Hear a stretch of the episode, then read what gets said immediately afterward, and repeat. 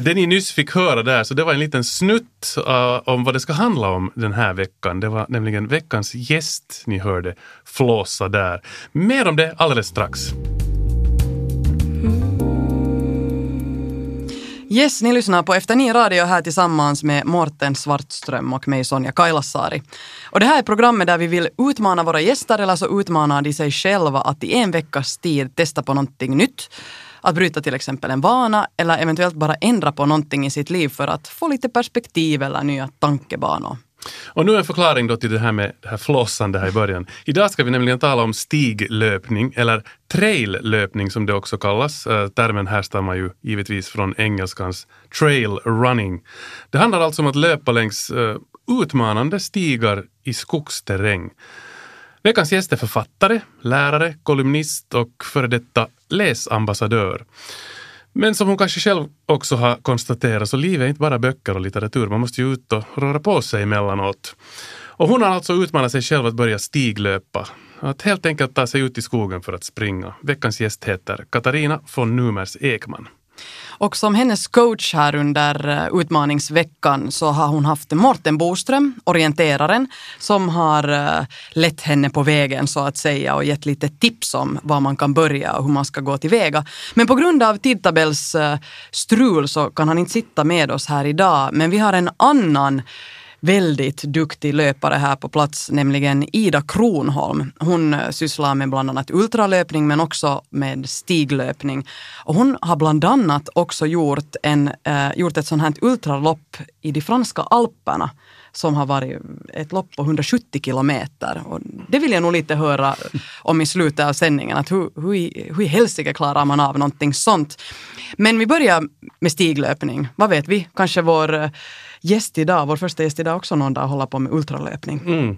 Som sagt, veckans gäst i Efter nio radio är alltså författaren och läraren Katarina von Numers Ekman som har antagit den här utmaningen att börja stiglöpa. Under den här veckan har hon också fört lite dagbok och vi kommer att få lyssna på ett par klipp från det. Men vi börjar med att lyssna på ett kort klipp med Katarina äh, i egenskap av läsambassadör.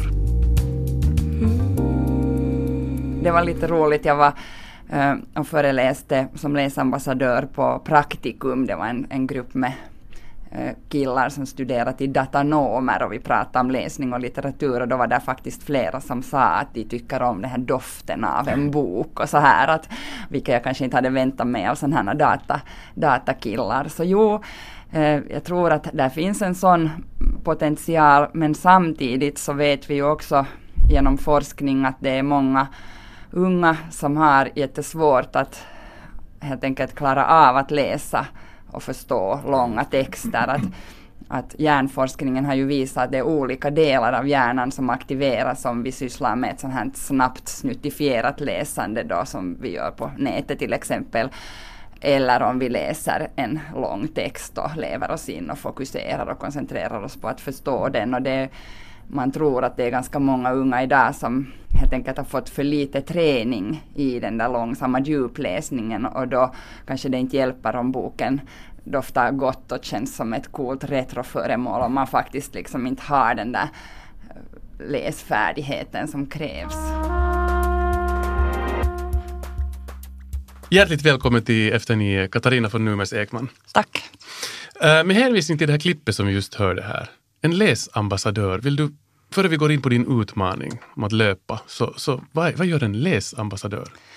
En läsambassadör är en person, ganska ofta en barn och ungdomsförfattare, så är det i många andra länder, som får ett sånt uppdrag att jobba för att stödja barns och ungas läsande på olika sätt. Det hmm. kan ju göras, göras enligt många olika metoder. Och, och eh, med, med tanke just på det här klippet, är det så att man besöker olika platser och ställen och träffar människor som det jag gjorde när jag var läsambassadör var att jag åkte runt till Svensk Finland till en massa olika skolor. Mycket lågstadieskolor men också skolor på andra stadier. Så träffade jag eleverna och pratade om läsning och försökte inspirera dem och jag fortbildade lärare och jag, jag pratade på väldigt många föräldramöten om hur viktigt det är att, att föräldrarna läser för och med sina barn. Just det. Helt kort vill jag bara också veta, du är ju inte mera läsambassadör. Nej, det var ett treårigt projekt som tog slut för ett år sedan så att nu är jag tillbaka som modersmålslärare.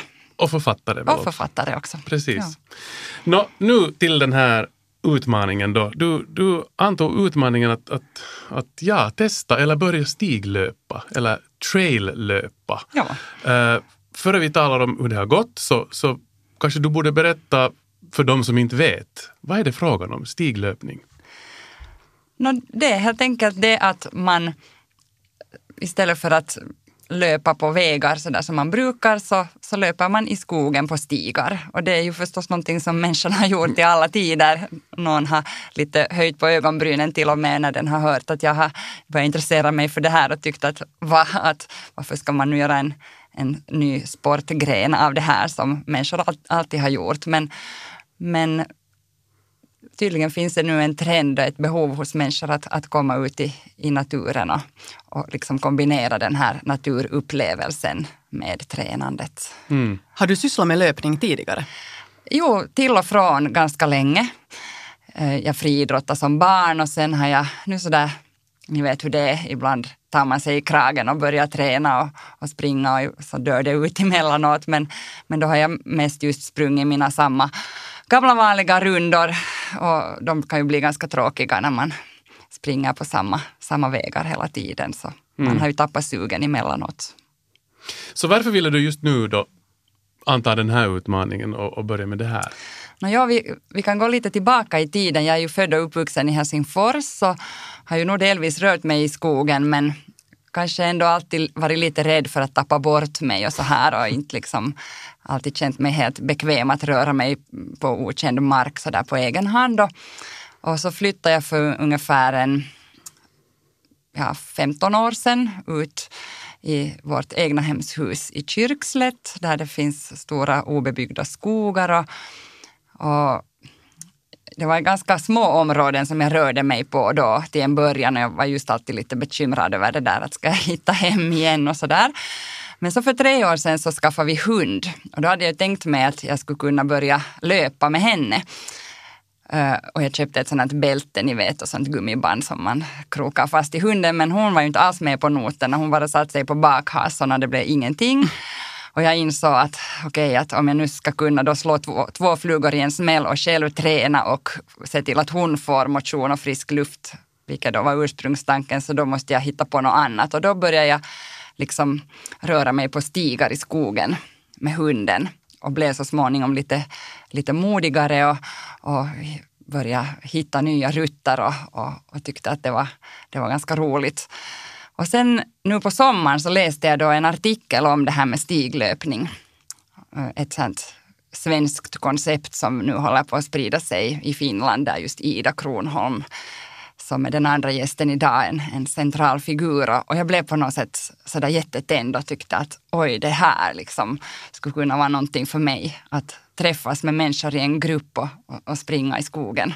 Och jag fick en sån här liten tanke om att tänk om jag kanske till och med någon gång skulle kunna vara en sån här stiglöpningsledare. Att det skulle vara fint om jag där på min egen hemort skulle kunna vara med och starta någon sån här mm. grupp.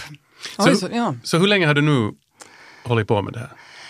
No, jag har kanske tidigare lite sporadiskt gjort det men den här själva utmaningen så, så startade här i juli någon gång så att det är lite mer än den här veckan som ni kanske annars har brukat ha. Mm. Så att jag blev då eh, ihopkopplad med Mårten Boström och han skickade goda råd och, och gjorde upp ett träningsprogram åt mig som jag försökte följa då där under slutet av sommarlovet. Och, och jag fick upp ögonen för många nya saker som jag aldrig hade tänkt på. Berätta något tips mm. som han gav. Alltså, menar, vad, vad menar du att du skulle tänka på? No, till exempel en sån sak att när man springer i skogen och det plötsligt kommer en brant uppförsbacke så kan det löna sig att ta sådana små korta steg. Man tror ju att nu ska jag hålla farten uppe och liksom försöka komma upp med stora kliv men då blir man jättetrött. Så, så bara en sån enkel mm. sak. Men när du började med den här utmaningen, så hur lång var din första runda? Ja, det är svårt att säga. Eller hur länge tog det? Hur länge tog det?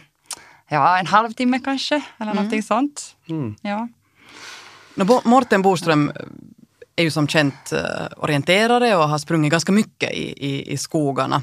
Och, och gett dig då tips. Han kunde ju alltså då inte ställa upp idag utan vi kommer att träffa Ida Kronholm lite senare. Um, hur ofta har du tagit dig ut i skogen?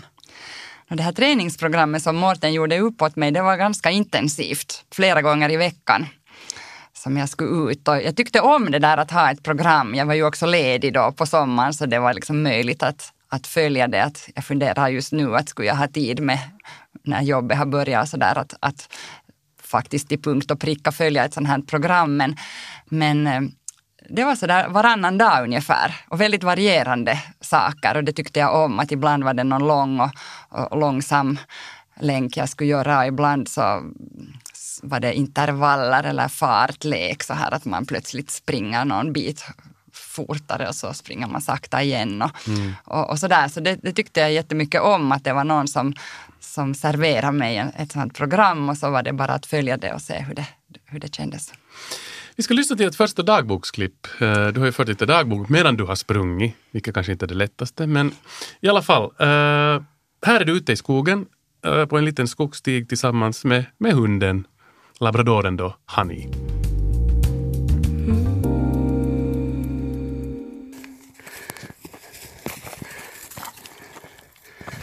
Ja, nu kommer vi här snart till en ganska brant backe.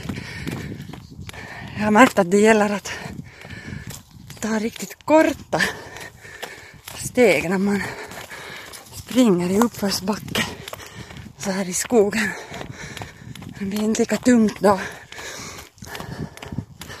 Det är ganska stenigt så man får akta att man inte tiggar snett.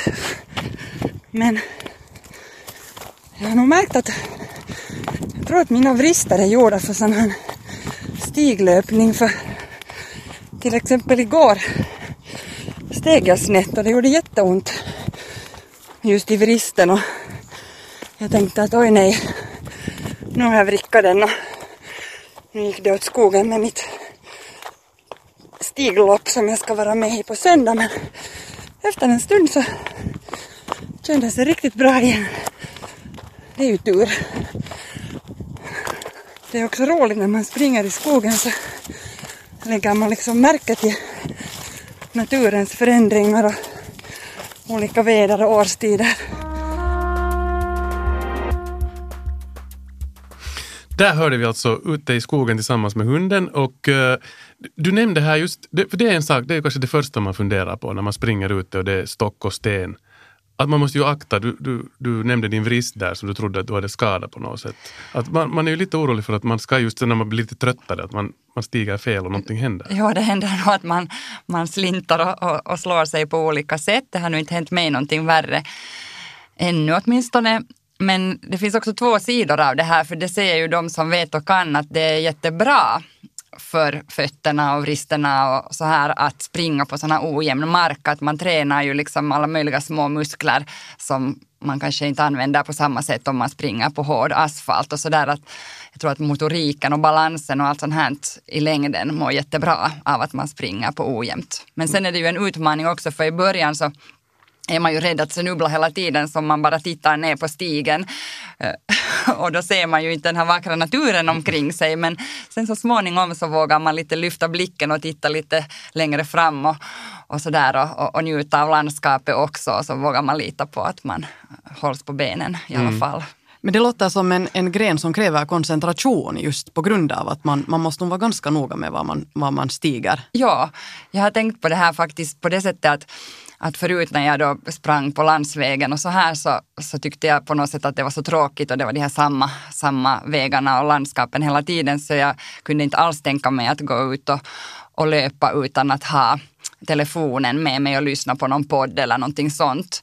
Eh, men nu när jag springer i skogen så har jag inte alls det behovet att ha den här förströelsen utan, utan nu liksom tittar jag mig omkring och, och njuter. Mm. Men det händer inte att du springer förbi ett, ett, eh, ett jättefint svampställe och då stannar man istället och plockar svamp? Ja, det gör jag. ja, du gör det? ja. så det är liksom lite sådär två flugor i en smäll på ett sätt? Men att... Ja, absolut. Och jag menar, det är ju inte så allvarligt. Man kan ju bra stanna och, och pusta ut och, och, och, titta på den vackra utsikten vid någon sjö och sådär. Vad gör det om mm. man nu inte håller igång mm. i ett du nämnde ju helt i början att du, du tidigare var rädd, av, no, inte rädd, men liksom lite så ängslig av att gå ut i skogen för att du eventuellt tappar bort dig. Har du tappat bort dig någon gång? Nå, inte så där ordentligt, bara så där stundvis som man liksom blir förskräckt att oj nej, var är jag nu? Liksom, man kan ju förstås ha telefonen till hjälp i dagens läge. Mm. Google Maps hjälper en där, så det ger lite trygghet. Men det är nog något som har förändrats väldigt mycket nu när jag har börjat med det här stiglöpande. Att det har liksom blivit en sån här lite skattletarkänsla i det där att hitta en ny stig.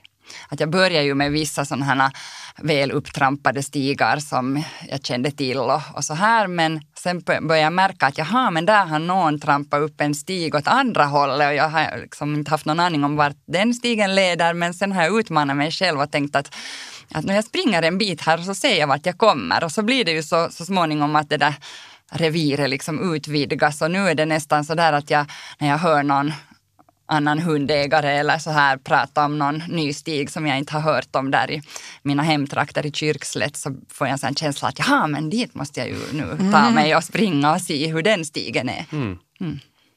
Jag som inte är en stor vän av, av löpning så, så kan egentligen tänka mig att det här är egentligen helt roligt för att det där med att springa längs med vägar och sånt här känns oerhört tråkigt. Morten sysslar ju med, med, med löpning sen mera, men har du sprungit i skogen? Jag springer nog i skog, men det är mera på sådana uh, ordentliga spånbanor så att säga. Så ja. att det är inte riktigt ja. samma sak. Jag behöver inte titta ner på Nej. vad jag springer på. Det är jämn mark. Mm. Du lyssnar på Efter nio radio här tillsammans med Morten Svartström och mig Sonja Kailasari. Och i det här programmet så utmanar vi alltså våra gäster e- eller så utmanar de sig själva att i en veckas tid testa på att leva på ett annorlunda sätt. Uh, eller bryta en vana. Den här gången handlar det om att testa stiglöpning och under en lite längre tid än en vecka. Och vi har alltså Katarina von Numers Ekman här som utmanat sig själv och Morten Boström, orienteraren, har hjälpt henne på vägen. Han kunde då av tidtabellsskäl inte komma hit idag men vi har Ida Kronholm här på besök och hon kommer in alldeles strax. Mm. Hon sysslar själv med ultralöpning och stiglöpning och eh, ja, mm. kommer att öppna lite mera den här världen åt oss. Men jag tänkte att vi här emellan, före det ännu, skulle lyssna på ett annat dagboksklipp som du har, har, har bandat Katarina. Så här lät det en annan gång när du var ute i skogen och sprang med hunden. Mm. God morgon. Nu är jag ute på en liten morgonträning med Hani. En sak som jag har lärt mig av den här stiglöpningsutmaningen det är att man kan utnyttja olika saker i naturen för att göra träningen mer mångsidig och ännu roligare. Man kan till exempel hoppa på stenar och skutta över stockar. Egentligen funderar man ju varför folk betalar en massa pengar för att gå på gym och träna inomhus när man kan få en naturupplevelse och frisk luft alldeles gratis och en mångsidig träning också ute i skogen. Hur det nu blir när man filmar och hoppar samtidigt vet jag inte, men vi får se. Och, hopp, hopp. Jaha, du tyckte också att du skulle hoppa på stenen. Just så. Nå, vi springer vidare och ser, det finns säkert flera här nära. Där, där har vi en sten. Mm. Hopp.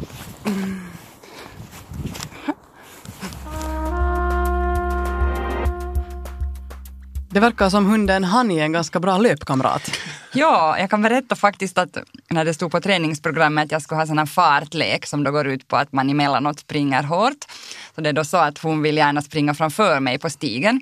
Och då håller hon en viss ganska skön takt sådär. Men sen om jag ska springa hårdare så då liksom vill hon vara först och så blir hon lite i vägen och sådär. Så jag hittar på en sån här lek att varje gång som hon då stannade för att snusa på någonting eller kissa bredvid stigen, så då stack jag iväg för fullt. och sen märkte hon ju efter en stund att oj, nu får Matte iväg och då kom hon efter som ett skott och placerade sig framför mig på stigen igen. Men det, det, blev, det blev vår roliga lek och jag lyckades på det sättet få de här snabbare sträckorna inplacerade där. Var det några andra tips du ännu fick av, av Morten före vi går vidare och ber in Ida hit till studion? Ja, jag var ju med i ett sånt här lopp också som gick runt en sån här sjö som heter Meiko där i Kyrkslätt och inför det hade jag ju aldrig varit med i någon sån här stiglopp förut, sån här riktigt ordnat lopp. Så där gav han ju bra, bra tips om att man inte ska stressa och, och, och liksom ta det för allvarligt utan just njuta och, och känna efter. Och, och det gick riktigt bra. Det var en fin upplevelse. Mm. Nu menar jag ju sen också, mm. alltså då Morten Boström och mm. inte Morten Svartström, men, men det där, jag tänkte att jag måste bara precisera här. Jag kan också ge tips. Visst kan du, om vad som helst. men, men, men, hur, men hur gick det i loppet då? Ja, jag var, jag var riktigt nöjd. Jag, vi var inte så många med, men jag lyckades placera mig så lämpligt bakom en dam som sprang i en sån takt att, att det inte gick för fort för mig, utan jag tänkte att nu håller jag henne liksom i sikte där och, och försöker hänga på och ganska, ganska långt så, så funkar det bra. Sen, sen körde jag lite eget race på slutet och tog det, tog det lite lugnt och, och njöt av de sista vackra vyerna där mm. innan jag kom i mål. Hur långt lopp var det? Det var åtta kilometer ungefär. Mm. Och det är väl dags att ta in följande gäst. Mm. Ultralöparen och stiglöparen Ida Kronholm. Hjärtligt välkommen Ida Kronholm. Tack ska ni ha. Tack. Du har sysslat länge med, med stiglöpning och också ultralöpning. Mm, det blir ungefär fyra år nu, så egentligen inte desto längre än så. Men, men eh, jag var på min första sådär trailrunda ute i svenska fjällen för ungefär fyra år sedan och jag blev helt, helt fast i sporten. Och sen dess så har det bara rullat på. Vad var det som fick dig fast i den? Jag tror att det är kombinationen av eh, motion, och friluftsliv och den här frihetskänslan som man får när man, när man får springa liksom helt fritt. Man blir som en liten vildhäst, känner man sig där ute på, på fjällen. Och just det här att man får, får springa i olika vackra miljöer som man aldrig skulle ta sig till annars. Um, man har fått springa på många fina ställen runt om i världen och det har gett en väldigt mycket. Absolut. Uh, du har suttit här nu och lyssnat på Katarinas utmaning som nu har bekantat sig med den här, den här grenen. Hur tycker du hennes utmaning har gått? Jag tycker det har gått fantastiskt bra. Jag satt och log här för mig själv för jag tycker att det är ju, på något sätt har du hittat kärnan i det där eh, som, som traillöpning eller stiglöpning handlar om. Det här att, att göra det ganska enkelt, bara ge sig ut. Eh, du nämnde egentligen aldrig någon sträcka hur du sprang eller vilken tid du sprang på. Och, och det är det åtminstone som, som tilltalar mig väldigt mycket, det här att, att eh, bara sticka iväg. Du behöver inte veta hur långt du har sprungit eller, eller hur länge det har tagit utan du ger dig iväg på en liten upptäcktsfärd och, och liksom låter naturen och kroppen styra. Och jag tror att någonstans så så är det det som vi människor har tappat ganska långt i dagens samhälle. Och jag tror att, att det är också därför som det är en sån här boom nu att många så, man söker liksom det där tillbaka till, till rötterna på något sätt, att bara få, få vara det där kravlösa och ändå liksom motionera, må bra och göra det tillsammans eller, eller helt för sig själv om man vill sticka ut på en egen egen tur. Jag satt just och tänkte på det där också, att hur besatta vi är av tid och sträckor. Mm. Uh, allt ska vara siffror i någon form och just det här att går man på en timme någonstans på gym eller så, så ska det vara en timme. Mm. Och, och, och varför egentligen? Och, och sen just att hur mycket tid går det inte när man ska ta sig dit till gymmet och sen är man på gymmet och sen ska man ta sig därifrån och duscha och ha sig.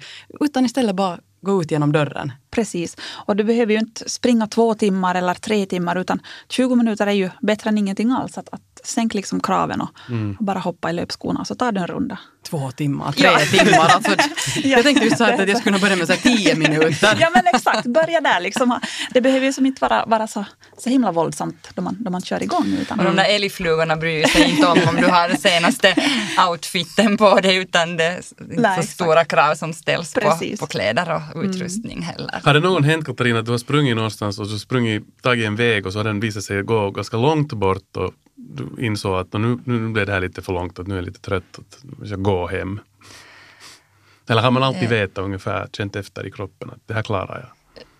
Jag vet ganska bra, men det är klart att, att man kanske har gått, gått en bit ibland om man har varit trött och sådär, men inga värre krissituationer. Fast det är klart att man tänker ju ibland på det att oj, om jag nu trillar här och slår mig illa så, så, ja, vem ska hitta så mig? vem ska hitta mig? Och, eller om telefonen får slut på laddning och sådär så, så då är det ju nog en, en liten knipa mm. som man kan hamna i. Hur är det Ida, du som har hållit på med det här i fyra år, så har du någonsin råkat ut för någonting under en, en uh, rutt eller stött på något djur eller tappat bort dig eller något sånt här? Ja, faktiskt en gång jag, jag sprang sprang i skogarna där i, i Jakobstad, därifrån jag kommer. Och eh, det var ganska sent på hösten så det var alldeles kolmörkt. Och jag hade pannlampa med och jag skulle springa då en, det var väl kanske 15 kilometer, jag skulle springa liksom hem hem till där vi bor. Och jag var helt ensam i skogen och plötsligt så hörde jag ett sånt där något läte i skogen. Jag brukar vanligtvis inte vara, vara liksom rädd för djur för de, alltså de, de far ju undan. Uh, att jag är nog egentligen mer rädd för att någon annan människa ska göra, göra mig illa. Mm. Att, att det, det, är nog där som, som den rädslan finns. Men, men det, var, det var liksom ett sånt där läte som jag, jag, kände att oj, det här var, det här var kanske inte så bra. men det här, och jag var, jag var helt ensam. Men då ringde jag min man, liksom, så jag, jag, det här, han, han var liksom på tråden där då jag sprang. Så, och inte, inte var det någonting sen. Men det är enda gången som man riktigt sådär har, har tänkt att oj, att jag är ju faktiskt helt ensam här nu, helt i mörkret och, och ingen vet liksom var jag är. Ja, att, att det är ju dessutom det också. Men, men ehm, Lät det som ett rovdjur alltså? Ja, det var nog något jag, jag vet inte om det var brunstälg eller vad det var frågan om. Men, men ingenting hände och säkert var det bara, bara någonting helt, helt sådär naturligt. Men, men annars, jag, bruk, jag brukar faktiskt aldrig vara, vara rädd i skogen. Jag, jag liksom, det är egentligen den, den plats där jag känner mig som tryggast. Så att, mm. att, men det är nog enda gången man har som fått tänka till sådär. Men är ganska säkert men. att det är en, en spurt för att, jag vet någon gång när man har gått på landet när man måste gå ut från huset för att gå på, på toaletten. Så sen just om man har kört någonting, så, alltså kört, om man har Sen om man har hört någonting så har man blivit så livrädd att det känns ja. som att man aldrig har sprungit så snabbt i hela sitt liv. Mm. Det är ju en liten kick. Så är det. Sen är det också när man springer förstås i, i bergen och ger sig ut liksom på de här längre, längre sträckorna så, så där till exempel när man deltar i de här riktigt långa loppen så, så man skriver ju alltid under att, att det, det är liksom på eget ansvar och på egen risk. Och, och där är jag också jag har en ganska stor friluftsvana sedan tidigare också. Så där får man alltid tänka till att, att man får aldrig pressa sig så långt så att inte man kan ta sig därifrån. Och, och det, det, är också en sån där sak som, som ändå ganska snabbt kommer in om man, om man börjar springa lite längre sträckor. Att man, ska, man har liksom ändå trots allt det ansvaret. Att man kan inte börja ringa åt mm. fjällräddningen sen att komma och hämta mig nu. Att det, det, liksom det, klart, blir det så att man skadar sig så, så då gör man ju det. Men att, att det ansvaret så är också viktigt att tänka på. Att se till att ta det helskinnad hem också. Jag tänkte fråga ännu, du, du, du nämnde långa sträckor och, och, och, ni, är ju båda, äh, ni har ju båda familj. Och det här med löpning du nämnde också Ida att, att man kan gå ut på två, tre timmars uh, löprundor. Då är man ju borta ganska mycket. Uh, hur fixar man det? Att man kan vara borta så här länge och ute och springa? Jag har tre tonåringar där hemma som alla är sportiga så ibland så hänger de med. Okej. Okay. Vilket ju är roligt. Mm. Men sen, ja det får väl bli på veckoslut och så här som man tar de längre rutterna. Och, och sen för mig som just har den här, eller vi har den här hunden, så då är det ganska bra när man kan kombinera det här att man ska ut med hunden och man ska träna själv och man kan göra det på samma gång så mm. sparar man ju en massa tid. Just det. Men du gör Ida det här nu på heltid, så, att, så det är liksom ditt jobb på ett sätt? Det är mitt jobb också. Jag, jag är ansvarig för Team Nordic Trail Finland och vi, vi är då en, en ett företag som jobbar med, med traillöpning och, och resor runt om i, i Norden. Vi har vårt huvudsäte i Stockholm så att i, i, Sverige har vi över 2000 löpare med i Team Nordic Trail. Olika löpgrupper där runt om i, i landet. Så startar vi upp i Norge nu och här i Finland så har vi hållit på ungefär ett år och har, har redan över 300 löpare. Väldigt många löpgrupper som, som startar upp här nu. Så det är riktigt sådär boom. Så att jag känner det att, att det, det börjar ta så mycket tid eh, så att eh, jag ska försöka få det att rulla här nu. Och i Sverige är de fem, fem anställda så att tanken är ju att vi ska bygga upp det här också. Mm. Vi har över ett 40-tal trailresor runt om i, i världen varje år som vi erbjuder. Så det är en ganska stor värld det här kring trail och, och stiglöpning när man ger sig ut i, utanför Finlands gränser också. Så passionen blev ett arbete för dig så att säga? Det blev det ja, verkligen. Men Ida, jag måste fråga, jag läste en artikel om, om dig där du förra året eh, gjorde en sån här Ultra Trail du Mont Blanc. Mm. En, en, eh, en eh, löprunda, vad man nu ska kalla det, på 170 kilometer som tog ett par dygn. Mm. Alltså hur klarar man av någonting sånt här och hurdana pauser har man? Hur, hur byggs en sån här mm. ultralöpningsrunda mm. upp? Um, alltså Volta Tre Mont Blanc så det är en av världens liksom mest prestigefyllda lopp. Och jag hade förmånen att få ställa mig på startlinjen. Det är ganska svårt att komma till och med till start där för att man måste samla då ett visst antal ITRA-poäng. Eh, International Trail Running Association, de har ett sådant poängsystem. Så man måste då ha, ha avverkat ett visst antal sådana långa lopp med ett visst antal höjdmeter för att få tillräckligt med poäng för att vara med i utlottningen av en startplats. Okay. Och under tre år så, så, lyckades jag få det och det kom, kom ganska snabbt på på det sättet för att jag hade ju ändå jag hade kanske sprungit tiotal sådana här lopp över 100, 100 kilometer men i alla fall var, det, var jag ganska ny liksom i, i sporten. Um, så i fjol då, i september så, så ställde jag mig på startlinjen. Och det är 170 kilometer men förutom det så är det 10 000 höjdmeter man ska avverka. Och det är ju kanske det som är det här mest utmanande, i synnerhet om man kommer från, från Finland, mm. där vi inte har, har berg på det viset. Och, det här, eh, och jag, jag, kom ju mig in till mål. Jag sprang 140 kilometer och där var det stopp. Så 140 kilometer, 8000 höjdmeter så, så avverkade jag. Um, men otrolig men, prestation ändå, mm. herre yes. Jo visst, jag, jag är ju nöjd på det sättet men, men jag, har, jag, jag har nu poäng att, att delta i utlottningen nästa år så jag hoppas ju att kunna jag, har inte, jag ger mig inte, jag vill försöka igen. Eh, det här året var jag också med i utlottningen men, men jag hade inte tur att få startplats nu så jag, jag hoppas ju på det till, mm. till nästa år. Men det går alltså ut på korta sträckor, eller inte korta sträckor, men, men olika sträckor och så är det pauser däremellan. Eller hur fungerar det när det, liksom, det löper liksom dygnet runt? Ja, vi springer. Det är start liksom eh, på, på eftermiddagskvällen där och sen springer man liksom i ett kör, 170 kilometer och 10 000 höjdmeter. Man har, maxtiden är 47 timmar. Eh, så att man springer ju på natten. Man försöker få i sig energi och eh, det som var ganska utmanande i fjol då när jag sprang var att, att det var väldigt kallt. Det var minus 10 grader och snöstorm uppe på, på de här bergstopparna. Och vi är uppe, vi är ju inte sådär jättehögt upp, vi är kanske på 2500 2700 höjdmeter. Men i alla fall, det, har man sprungit länge och lite sådär kall och trött sen tidigare så är det ganska utmanande på det sättet. Mm. Mm. Så att det är också den biten man ska vara, vara liksom beredd att, att utsätta sig för. Att det är ju det är som en slags expedition man gör egentligen. Mm. Precis. Mm. Um, Katarina, hur låter det här i dina öron? Hon börjar också med, med stiglöpning och där håller hon på. Några år lite kvar tills jag är där tror jag. Men, men visst skulle det vara spännande att åka på någon sån här resa och, och mm. delta i, i någon sån här stiglöpning utomlands. Det tycker mm. jag skulle vara roligt. Mm. Vi brukar ha som vana i det här programmet, här i slutet så brukar vi ställa den här frågan till vår gäst som har antagit en utmaning. Ja, hur, kommer, hur kommer du att gå vidare efter det här? Men du tycks ha det helt på det klara vad du kommer att göra. Du kommer att fortsätta och du vill ja. bli en sån här ledare. Så. Ja, sen ska jag utmana mig att springa i mörkret med en spannlampa i höst kanske, för det har jag aldrig gjort förut. Mm. Och det är faktiskt en, en väldigt sådär annorlunda upplevelse och eh, vi hade, vi hade vår grupp där i Jakobstad, så jag kommer ihåg en, en kväll här i, i januari då vi skulle då samlas och springa och det var minus 25 grader och vi tänkte att det kommer inte att komma någon ikväll. Men det kom bil efter bil efter bil och till sist var vi 25 personer där. De stod med pannlamporna redo ut i snön bara med gänget. Och det här. Fantastiskt att se att, att folk vill vara med. Mm. Tusen tack för att, för att ni båda ställde upp.